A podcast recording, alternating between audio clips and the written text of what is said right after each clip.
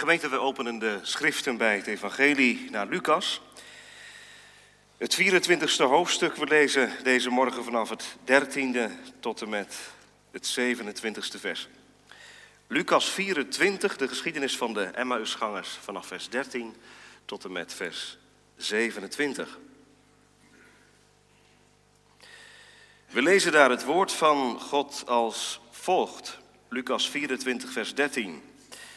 En zie, twee van hen, twee van de discipelen, gingen op diezelfde dag naar een dorp dat 60 stadien van Jeruzalem verwijderd was en waarvan de naam Emmaus was. En zij spraken met elkaar over al deze dingen die gebeurd waren.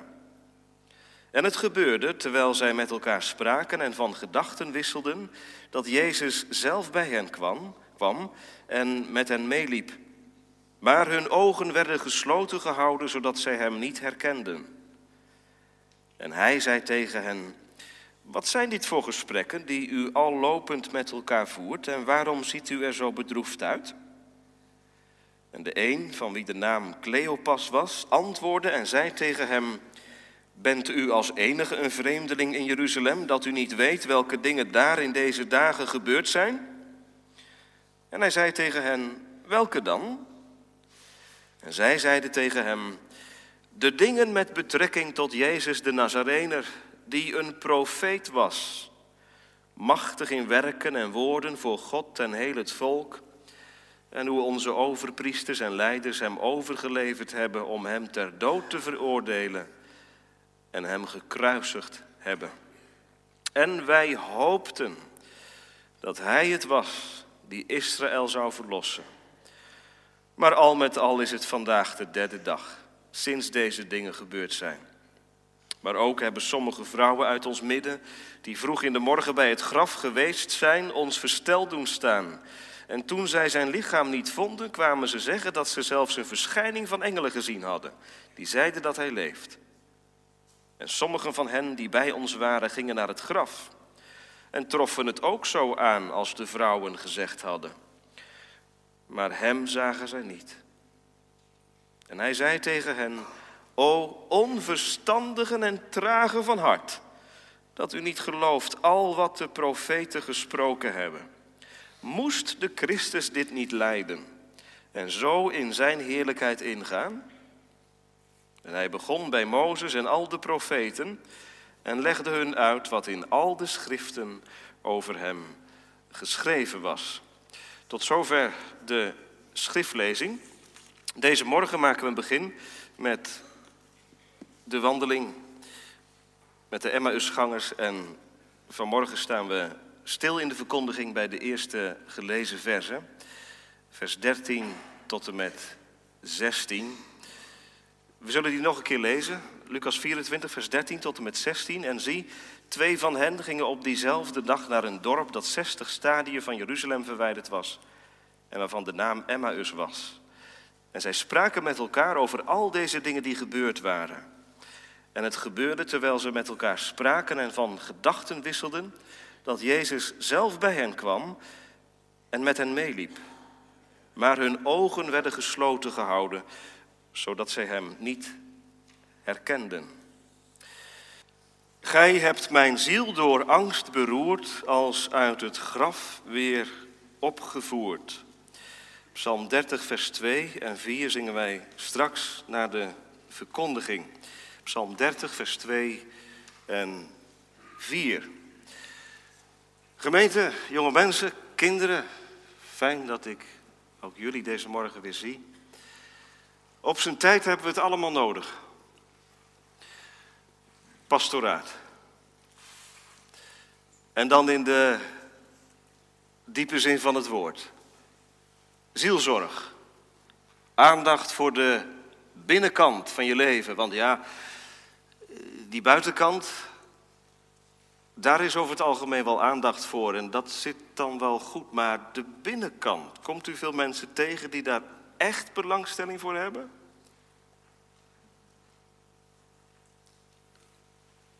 Die bij u gaan zitten en dan gaan luisteren naar wat er komt?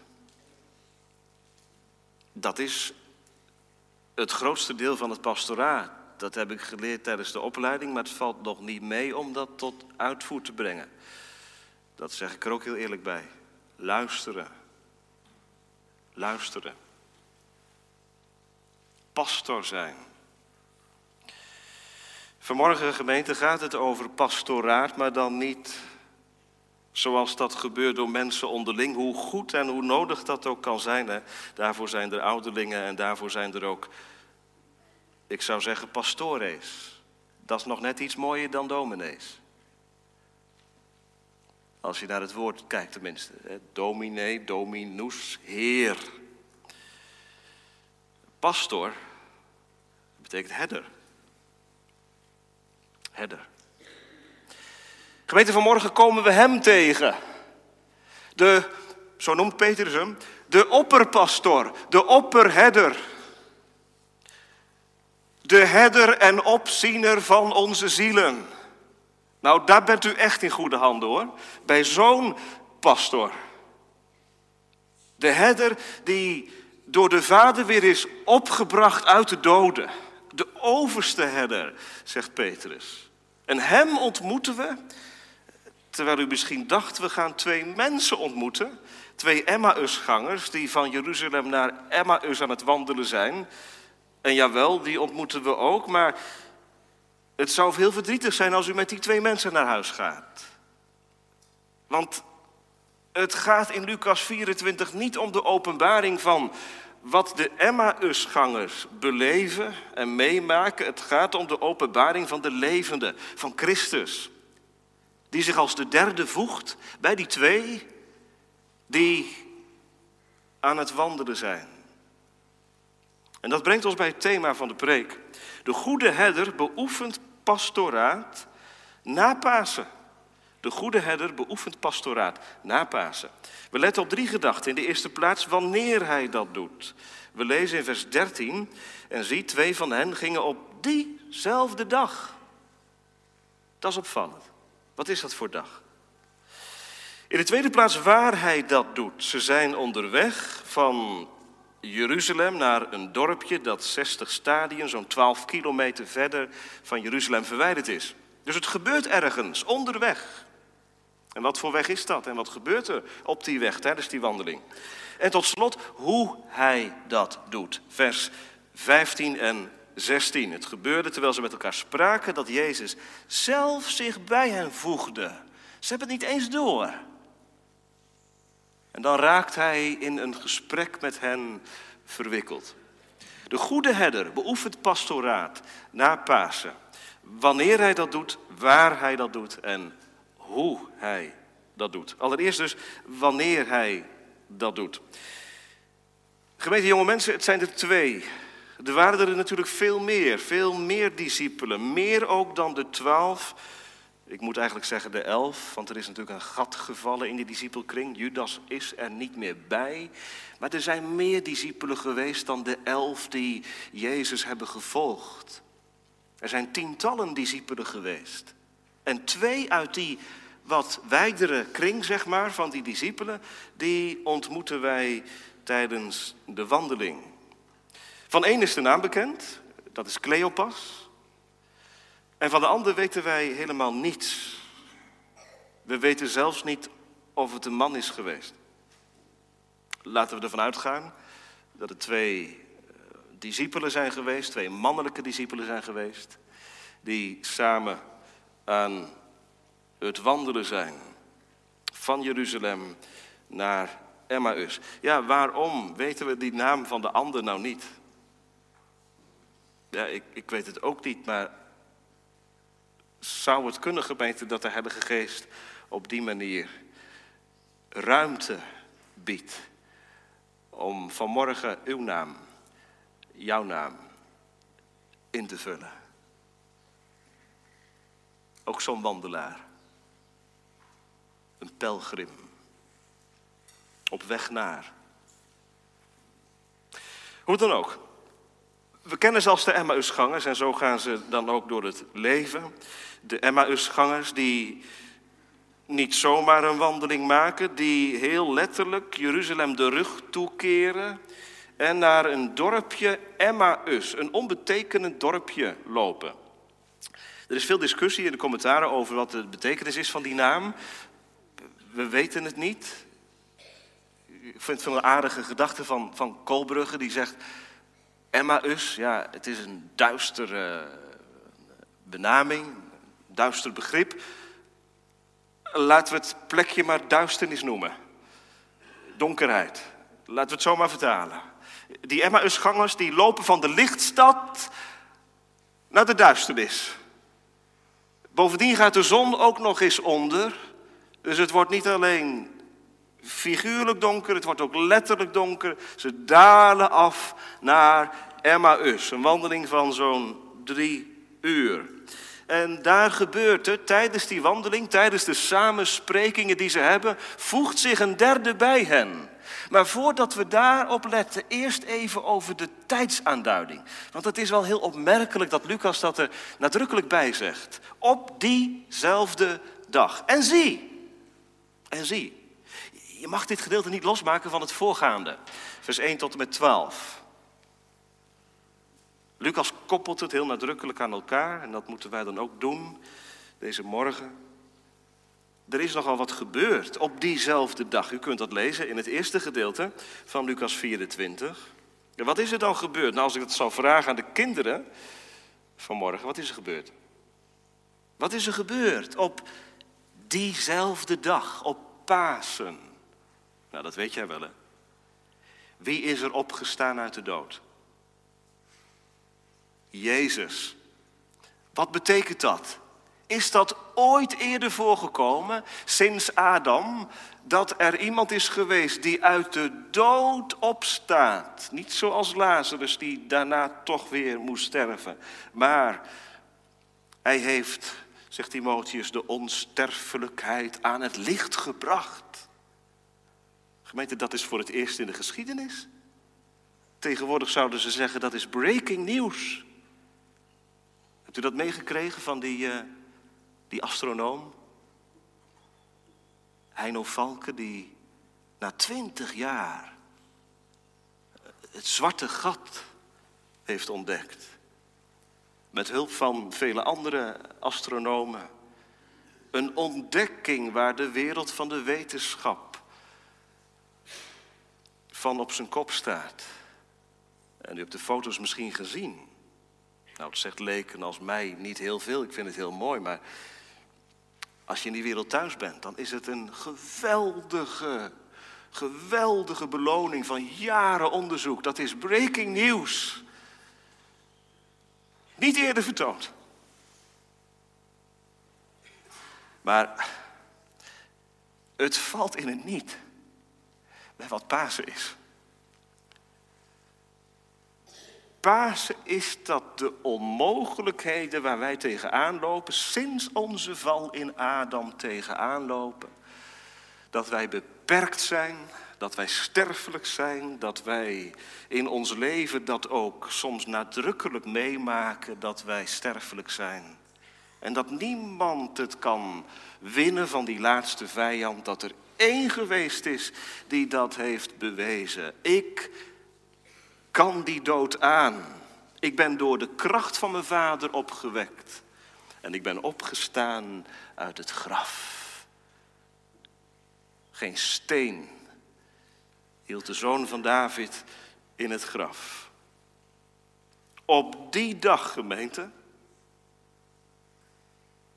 heeft het laten zien dat hij geen houdbaarheidsdatum heeft. Wij wel.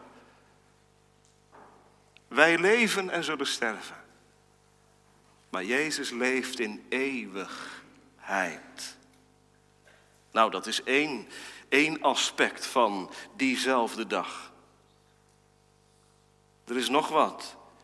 Pasen betekent dat het kruis niet te vergeefs is, dat het kruisevangelie geen bevlieging is, geen luchtspiegeling is. Pasen laat zien dat wat Christus aan het kruis heeft gedaan, dat dat geldingskracht heeft, dat dat effect heeft. Hij is de levende. En in zijn levenskracht kan hij dus ook mensen uit het zondegraf ophalen. Hij is de opgestaande levensvorst. De schuld is betaald. De dood is overwonnen en, nog iets, de duivel heeft het nakijken.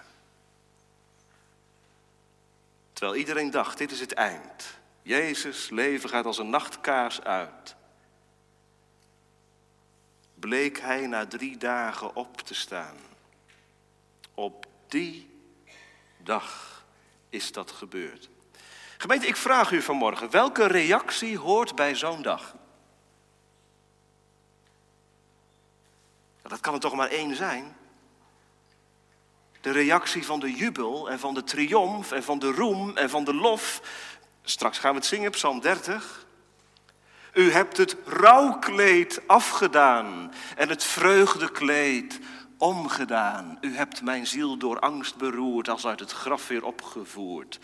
Lof, zei de God van Israël. Halleluja, looft de Heer. Dat is toch een passende reactie? Bij zo'n heilsfeit, bij zo'n keerpunt in de geschiedenis.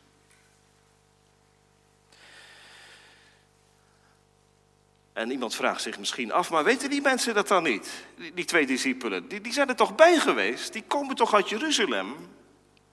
Ze hebben diezelfde dag toch in Jeruzalem rondgelopen en, en werkelijk niet als toevallige passanten, maar als mensen die daar het paasfeest gingen vieren. En zo ging dat ieder jaar. Je ging naar Jeruzalem toe om daar het feest van de bevrijding te vieren. Kinderen, het feest van de bevrijding, het paascha, dat betekende... men dacht terug aan wat het volk van Israël meegemaakt had. Ze waren uit gevangenschap bevrijd. En ieder jaar mochten ze zich dat te binnen brengen. Die God leeft nog. De God die onze voorvaderen uit het slavenhuis Egypte heeft losgekocht. En gemeente, dit jaar, dit jaar is er geen lammetje geslacht, maar is het lam geslacht. En ze zijn erbij geweest. Ze hebben het gezien. Ze hebben het kruis gezien. En ze hebben de kruiseling gezien. En ze hebben misschien ook wel gezien wat er daarna gebeurd is toen Jezus het uitriep, het is volbracht. De graven van de heiligen, die werden geopend. En wie zal zeggen of ze niet een van die heiligen zijn tegengekomen? De rotsen zijn gescheurd.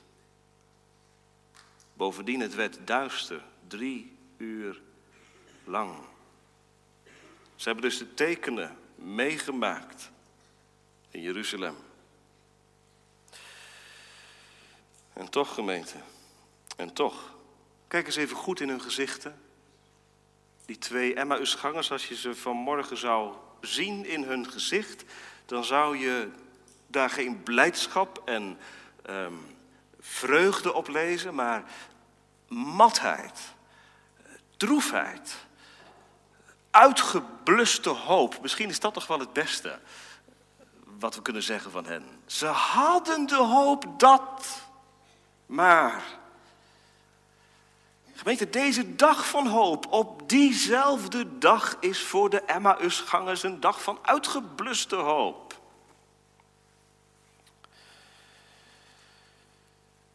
Ja, en dan zit u hier vanmorgen te luisteren.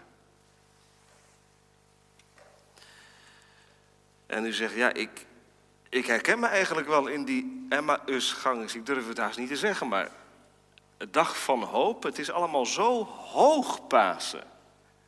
gisteren die paasliederen en, en, we zingen maar halleluja en hij leeft en ik kan daar niet bij. Het voelt alsof ik op mijn tenen moet staan en dan kan ik er nog niet bij. Het zal allemaal waar zijn. Keerpunt in de geschiedenis. Het lam van God is geslacht. De herder is weer opgestaan uit de dood. Maar die weerklank, het effect, de vrucht ervan in mijn leven. Het sprankelt niet.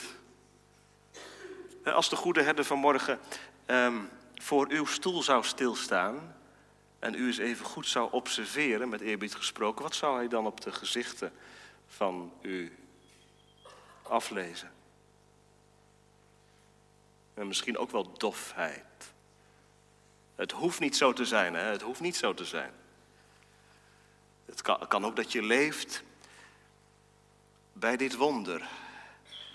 En dat de paasbevinding van de zuiverste soort in je leven sprankelt. Hij leeft en ik zal leven. Dat kan. Maar ik kan me niet aan de indruk onttrekken dat ook in de kerk er mensen zijn, en ook vanmorgen misschien, die zeggen: Ja, het zou meer moeten sprankelen, maar ik zou er meer uit moeten leven. Maar ja, het is allemaal waar, maar voor mij, dat. Eigenlijk gemeente, die twee Emmausgangers die zouden we kunnen uh, zien als twee schapen die de weg kwijt zijn. Zacharia, dat weet u misschien, heeft daarvan geprofiteerd, maar dat ging over het kruis. De herder zal geslagen worden, de schapen die zullen verstrooid worden, die zullen alle kanten opvluchten. Maar ja, we bevinden ons inmiddels op de derde dag na de opstanding. En hier vinden we twee schapen die nog steeds verstrooid zijn. Die nog niet zijn opgezocht. Overste herder. Wat is er met deze twee mensen aan de hand?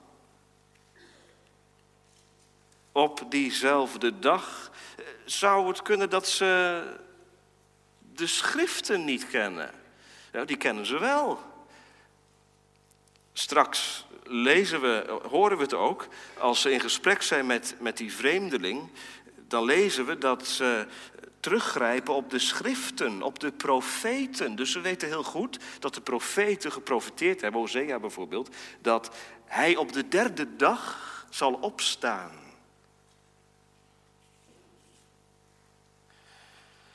Wat een trieste constatering, gemeente. Het komt vanmorgen wel heel dichtbij als je in je kerkbank zit en je hebt je Bijbeltje voor je en je bent goed thuis in je Bijbel. En je kunt ook niet zeggen dat het je allemaal koud laat, dat het allemaal ver bij je af blijft. Maar ja, dat, dat vreugdevolle, die blijdschap, dat, dat mis je. Nou, gemeente, vindt u dan die, die aanduiding op diezelfde dag toch ook al niet iets hoopgevends? als we aan die Emmausgangers kijken, als u vanmorgen naar uzelf kijkt, dan zeggen, nou, ik kan weinig hoopvols in mijn leven ontdekken. Ook als ik leven mag van genade. Dat geloofsleven van mij, dat, dat heeft ook vaak zo'n waas over zich. Alsof ik onder een stolp leef. Gemeente, leg je vinger dan eens bij die paar woordjes op diezelfde dag. Dat vind ik toch al een hoopgevend signaal. Die Emmausgangers lopen op diezelfde dag weg. Ze volgen hun gevoel. Waar is het kompas van het woord? Het enige kompas wat ze gebruiken is het kompas van hun intuïtie, van hun overleggingen. En dat volgen ze na. Dat betekent dat ze dus Jeruzalem achter zich laten. Afdwalen. Op die dag, gemeente, gaat er iets gebeuren. Ik zet het nog even wat sterker aan. Juist op die dag van desillusie, van uitgebluste hoop, gebeurt er wat. En nu hoop ik dat er vanmorgen, terwijl u zit te luisteren, mensen zijn die zeggen, en nu hoop ik zo vurig dat dat ook voor mij zal zijn dat de herder zich vanmorgen in ontferming en liefde over mij zich heen buigt. En het tegen me zegt, ik ben nu heil alleen. Dat hij mij opzoekt. Want ik, ik heb het niet. Mijn handen zijn leeg. Hij moet naar me toe komen. Ik red het niet. Op die dag, gemeente, is de heilzon van deze twee mensen aan het dagen. Terwijl de zon ondergaat, is de heilzon aan het dagen. Onze tweede gedachte, waar hij dat doet. Ja, zegt iemand, dat is duidelijk, dat is op de weg naar Emmaus. terwijl ze aan het wandelen zijn. En wat doen ze dan tijdens die wandelingen, hoor mensen? Spreken met elkaar, vers 14. Ze spraken met elkaar over al deze dingen die gebeurd waren. Welke dingen? Nou ja, dat vertellen ze straks aan die vreemdeling. Dat zijn de dingen betreffende de vrouwen die bij het graf zijn geweest en die daar het lege graf vonden. Ze vertellen tegen elkaar over de engelen. Ze hebben het over het kruis en, en al die dingen die ze gezien en meegemaakt hebben. Het is misschien één grote warbel van binnen, maar daar hebben ze het over met elkaar. Nou, je zou kunnen zeggen, dat is mooi hè. Zo heb ik het ook altijd gelezen hoor, dat geef ik u heel eerlijk toe. Dit is wel heel mooi. Je kunt er zelfs misschien nog van zeggen, dit is gemeenschap der heiligen. Deze mensen hebben het tenminste ergens over. Hoeveel gesprekken zijn niet leeg en, en inhoudsloos, maar dit gaat wel ergens over. Ja, ik zou dat toch bij nader inzien wat willen temperen. Die positieve kijk op de Emmausgangers. Het lijkt allemaal heel mooi, maar waar hebben ze het over? Ja, ze hebben het over al deze dingen, maar zonder het perspectief van Pasen. En dat is het pijnpunt. Waar straks die vreemdeling ook de vinger bij legt. Je kunt het hebben over hele ware dingen, over geestelijke dingen, maar misschien hebt u die ervaring ook wel. Je kunt op een zeker diep niveau met een ander van gedachten wisselen over geloof, wedergeboorte, bekering, allerlei um, bijbelse termen. Um, hoe bekeert God iemand, hoe gaat dat enzovoort. Maar ja, je kunt elkaar ook verder de put in praten. Verder het donker inleiden. Dan spreek je wel met elkaar, maar niet vanuit, de, vanuit het perspectief dat er één is die verder kan leiden die het overziet. Gemeente, als twee mensen die diep in de put zitten elkaar ontmoeten, kan het zomaar gebeuren dat ze elkaar nog verder naar beneden praten. En dat is hier ook aan de orde. We zien niet dat de een de ander tot de orde roept. We merken niet dat de een de ander corrigeert met het woord. En er is niemand, die, niemand van de twee die zegt, ja maar de Heer heeft toch gezegd. Moeten we ons daar niet aan vastklampen? Ik hoop in al zijn klachten op zijn onfeilbaar woord. Doe jij dat ook, Cleopas? En het gebeurde, vers 15. Terwijl ze met elkaar spraken en van gedachten wisselen. Dus er komt een gedachtenwisseling, een, een, een, een debat haast op gang heftig sprekend over die dingen. Een gemeente, als je dat doet terwijl je onverstandig bent en traag van hart, is dit geen, geen goed geestelijk gesprek.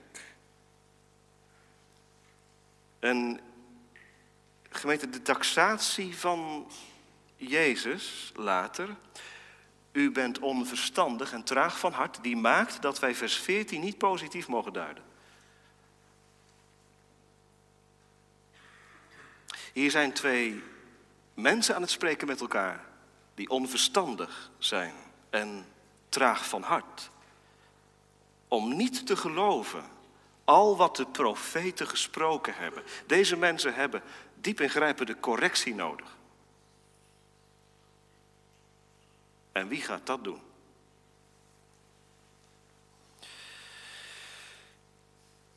Eerst gemeente toch even dit nog. Ik vind het al bijzonder vertroostend en ik hoop dat u dat ook vindt dat de Bijbel wel ruimte biedt voor al deze ervaringen. Het is rond het open graf geen halleluja-stemming. Bij de vrouwen niet, bij de discipelen niet, bij deze Emmausgangers niet. Het gaat allemaal maar heel langzaam. En het gaat allemaal maar heel geleidelijk voor ze komen tot diepe overgave. En helder zicht. Op de levende. Blijkbaar is de ashoop van het gevoel zo dik. Het vuurtje smult nog wel, maar als de pok van het woord er niet bij komt, dan blijft het, dan blijft het zo'n ashoop. Gemeente, dus we gaan het niet opnemen vanmiddag, eh, vanmorgen voor de Emmersgangers. Want deze mensen, waar leven ze bij? Nou, kijk maar mee in uh, vers uh, 21. Wij hoopten. Ziet u dat? Wij hoopten. Wij hoopten. Nee, niet op zijn onfeilbaar woord in al onze klachten. Maar het is hoop die vergaan is. We hoopten dat hij het was. Het leek zo mooi, hè? Jezus, vers 19, was een profeet. Machtig in werken en woorden. Voor God en heel het volk. Maar ja, het kruis is het laatste. Het is over en uit. Dat geloof van mij, zegt iemand, wat stelt het voor?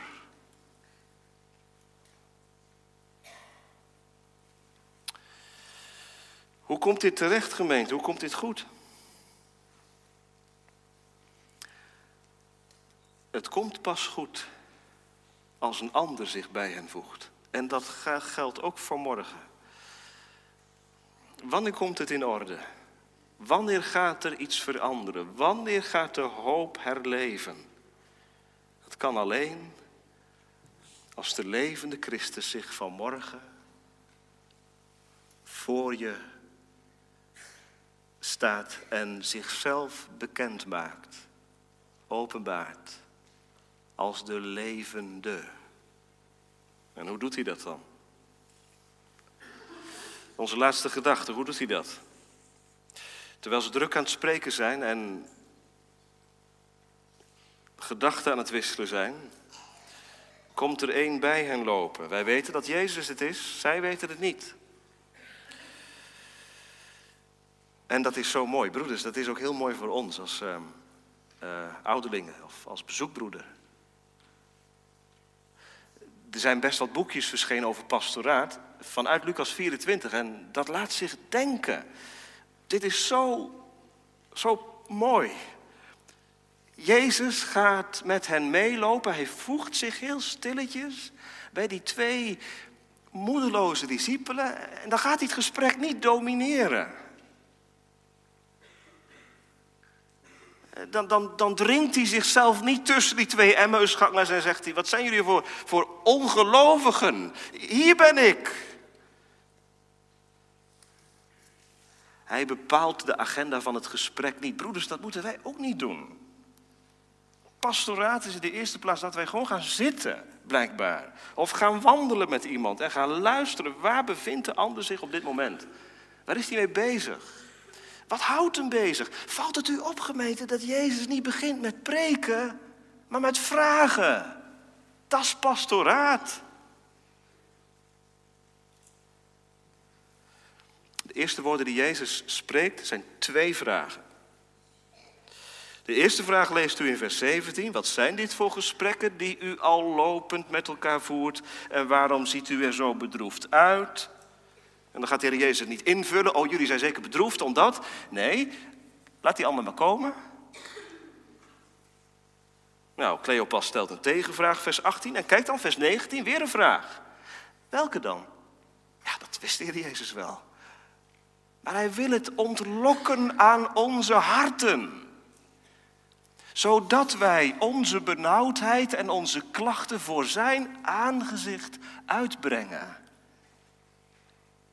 Gemeente, dat wil hij ons ontlokken. Hoort u dat? Wij hebben geen levende zaligmaker die wacht tot wij zo ver zijn. Dat wij over de brug komen met onze twijfels. Maar vanmorgen verkondig ik u een zaligmaker die met u opwandelt als het ware. Hier, onder het dak van de Victorkerk, staat hij voor je. En of je nou een Emmausganger bent of een hartstochtelijk verloren schaap. We hebben het wel over de herder van morgen. En waaraan herken je een herder? Kinderen, wat is nou een goede herder? Er staat een hele mooie gelijkenis in de Bijbel over de goede herder met die honderd schapen. Een echte goede herder, uh, die zegt niet, nou ja, ik heb er al 99 in de stal. Die zitten achter slot en grendel, die zijn veilig. Dat ene schaap, nou ja. Nee, die 99 laat hij achter en die ene gaat hij zoeken. Dat is een herder. Hier spreekt het hart van de herder. Hij zoekt, ai zoek uw knecht, schoon hij uw wetten schond. Hij doet het, gemeente, hij doet het. Gelijk een schaap heb ik gedwaald in het rond, dat onbedacht zijn herder heeft verloren. Hier is hij. De opperste pastor, de overste herder. Doorvragen dus. Daaruit blijkt zijn herdershart. En, en dat wil hij ook zo graag bij jou hè? en bij u en, en bij jullie kinderen. Jullie mogen hem zeggen hoe het erop staat van binnen. Waar je mee worstelt, waar je, mee, waar je moeite mee hebt. En ook u, ouderen. Waar loopt u tegenaan? Wat blokkeert u als het gaat om het luisteren naar het woord? je, je, je zit onder de preek te luisteren en u zegt, kom maar niet verder. Zegt u dat ook tegen hem? Voor zijn aangezicht mijn klacht uitbrengen. Christus gaat het niet voor u invullen. Hij wil het horen. En als u niet onder woorden kunt brengen, ach, het gaat niet om een mooi verhaal. Integendeel, de Heer Jezus luistert niet naar mooie verhalen, die luistert naar rauwe kreten. Naar onvolmaakte gebeden. En zelfs naar zuchten. Wat een herder, hè? Hij domineert niet het gesprek. Wat doet hij wel? Hij zorgt ervoor dat die mensen, die twee Emmausgangers, hem niet herkennen. Dus hij wandelt met ze mee, hij gaat het gesprek aan. En dan vers 16. En dat is best een opmerkelijke tekst, vindt u niet? Maar hun ogen werden gesloten, gehouden, zodat ze hem niet herkenden. Wat is dat nou, zegt iemand? Wat deze mensen nodig hebben is dat hun ogen geopend worden. Dat ze zien, daar is hij. Het is toch waar. De Heer Jezus is opgestaan. Hij staat voor ons. Wat hebben die mensen nodig? Dat is dat de herder tegen hen zegt: Zie, ik ben uw heil alleen. En wat doet Jezus? Hun ogen werden gehouden. Ik kijk even naar de kinderen. Doen jullie wel eens blinde mannetje? Of hoe noemen jullie dat? dat je met vriendjes een, een blinddoek omdoet. Een van de vriendjes van jou doet een blinddoek om en die moet op de tast gaan zoeken naar een voorwerp in de kamer. Nou, dat is heel lastig. Want als die blinddoek goed vastzit en je krijgt hem niet af, wat zie je dan? Niks, dan zie je niks. Je ogen worden gehouden dat je niets ziet. Wat doet Jezus? Jezus blinddoekt als het ware de discipelen. Hij verbergt hun ogen, hij brengt ze onder een verberging. Wat is dat nou, zegt iemand. Dat is toch niet pastoraal? Ze komen van de regen de drup op deze manier.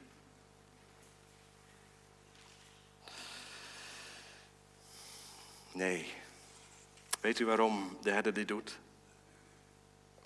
Hij houdt hun ogen dicht, zodat ze genoeg leren hebben aan hun oren. Hun ogen worden gehouden dat ze Jezus niet zien, zodat ze straks gaan luisteren als Jezus vanuit vers 25, 26, 27 uitlegt wat in al de, al de schriften van hem geschreven was. Stel je nou voor dat de Heer Jezus het anders had gedaan. Hè? Dat hij gezegd had, ja, maar ik weet wie jullie zijn en waar jullie mee bezig zijn. Jullie willen het graag ervaren, jullie willen mij zien en, en voelen. Hier ben ik, tast maar. Gemeente, dat is niet pedagogisch. Dat is niet pastoraal. Want dan zouden deze mensen gevoed worden. In hun kwalijke gedachten. Dit is geen zuivere bevinding van de Emmausgangers. Zuivere bevinding is bevinding die het woord waar bevindt. Als de schriften opengaan. Bevinding is niet gesticht worden in je gevoelens. Gestreeld worden bij je eigen ervaringen. Dat kan heel kwalijk zijn. De Heer Jezus is niet verrezen, gemeente, om deze discipelen naar de zin te maken. Om hun zin te geven, maar hij is gekomen om de kwaal van de gesloten ogen te genezen. Hij wil ze het zicht geven, maar op zijn manier, door te gaan luisteren. Door te gaan horen. Want gemeente na Pasen geldt, wij wandelen niet door aanschouwen. Wij wandelen door het geloof. Dat is de bedeling na Pasen. Onze oren krijgen de voorrang. Boven wat wij voelen en ervaren. Ja, en dat is moeilijk, hè? Daar willen we eigenlijk ook niet aan. En toch is dat wel waar de herder je hebben wil. Waar de overste pastor zijn schapen leiden wil. En vanmorgen, gemeente, staat die pastor voor je. En hij zegt, waarmee kan ik je van dienst zijn? Zeg wat op je hart ligt. Wat zijn dit voor gesprekken? Of bij jou achter in de kerk, wat zijn dit voor gedachten onder de preek? Waar ben je mee bezig? Wat overleg je? Wat komt er boven? En, en u achterin, waarom ziet u er zo bedroefd uit? Nee, Jezus zegt niet, maak je maar geen zorgen, komt allemaal wel goed. Wees maar blij, ga maar lachen, doe maar vrolijk. Gemeente, dat is een platte boodschap waar je niets voor koopt. Jezus komt naast je staan. En zegt, afhakers zijn bij mij in tel. Ben je zo'n afhaker?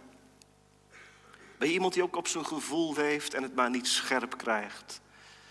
Die het zo graag helder zou hebben. Dat hij de mijne is. En dat ik hem de zijne, dat ik de zijne ben. Maar ik krijg het maar niet helder en scherp. Hij staat voor je. En al sprekend zoekt hij contact. De onderste steen die mag boven bij hem. Gebeurt nog, gemeente. Preek is geen monoloog houden. Onder de preek ontstaat een dialoog. Weet je hoe dat komt? Omdat de paasvorst ook vandaag op diezelfde dag nog steeds zijn wandelingen maakt in de gemeente van Christus hier ter plaatse. Evangelie van Pasen. Niet voor mensen die het allemaal wel weten en allemaal wel, wel in de zak hebben en allemaal zien en allemaal doorhebben en zeggen, nou u hoeft mij niks meer te vertellen, want dit is gesneden koek. Gemeente, wees eerlijk. Hier hebben we ons leven lang werk aan. En hier heeft de Heilige Geest leven lang werk aan om in de levens van zijn discipelen het, de Christus der Schriften eh, te openbaren. Dat we daar genoeg aan hebben. En dat we daar ons heil en onze vastheid in vinden, toch? U, kent die bekende uitspraak, denk ik wel, van Calvijn, die zegt: um, Christus openbaart zich in het gewaad van zijn woord. wij vinden dat een prachtige uitspraak, toch? En we zeggen allemaal, ja, zo is het. Maar als u daar eens even heel diep en goed over nadenkt, wat dat betekent. Als Christus zich openbaart in het gewaad van zijn woord, dan betekent dat dat hij vandaag met zijn opstandingskracht onder ons is. Waar het woord open gaat, is hij. Houd aan, grijp moed, je hart zal vrolijk leven. U die God zoekt in al uw zielsverdriet. Ik verkondig u een levende zaligmaker.